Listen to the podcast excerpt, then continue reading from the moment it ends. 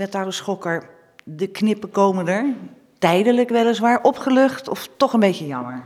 Nou, ik ben eigenlijk heel blij en ik denk dat Voorschoot ook heel blij kan zijn dat eh, het hele plan Adegeest, waar heel lang over is gesproken met eh, heel veel eh, verschillende inwoners en waar vele voorbereidingen voor zijn getroffen, dat de RA en het totaal om een bedrag van 20,5 miljoen euro gaat, investering in de openbare ruimte en de riolering van Voorschoten, dat het is aangenomen. Ik denk dat dat heel erg, heel erg mooi is en daar, ben, ja, daar kunnen we denk ik met elkaar heel blij mee zijn.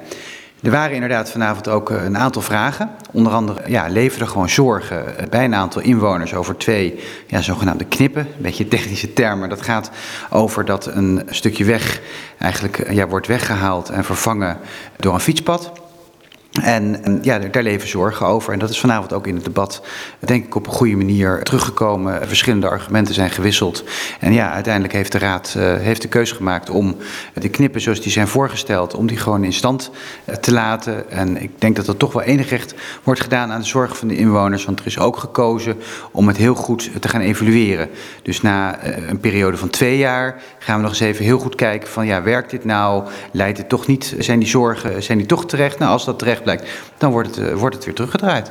En, en wanneer begint dan de bouw zeg maar, van die knippen?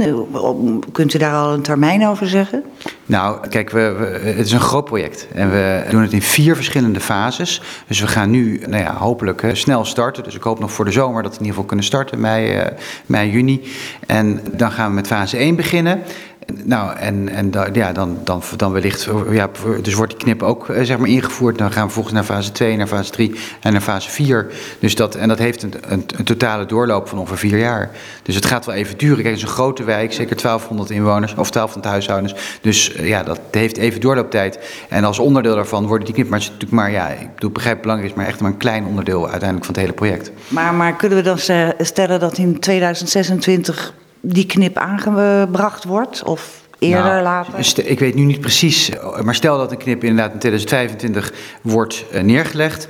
Dan gaan we dus in 2027 kijken hoe het daarmee gaat. Hè? Dus gezegd na afloop van, van, de, ja, van het moment dat het is aangebracht. Ja.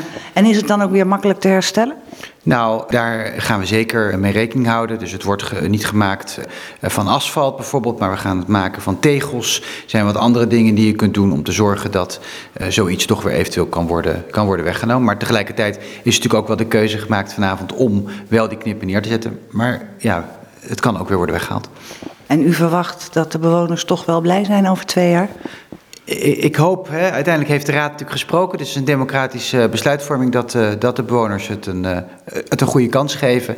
En ja, het is natuurlijk goed ook dat de bewoners hebben gesproken. En we gaan ook vanuit de gemeente echt ook het participatieproces gewoon doorzetten. Dus ook en eigenlijk een nieuwe invulling geven. Nu we naar de uitvoering gaan, wordt participatie nog net zo belangrijk. Want ja, het gaat overlast geven natuurlijk. Dus er zijn allerlei vragen die er nog leven bij bewoners. En daar gaan we gewoon heel uitgebreid straks op in.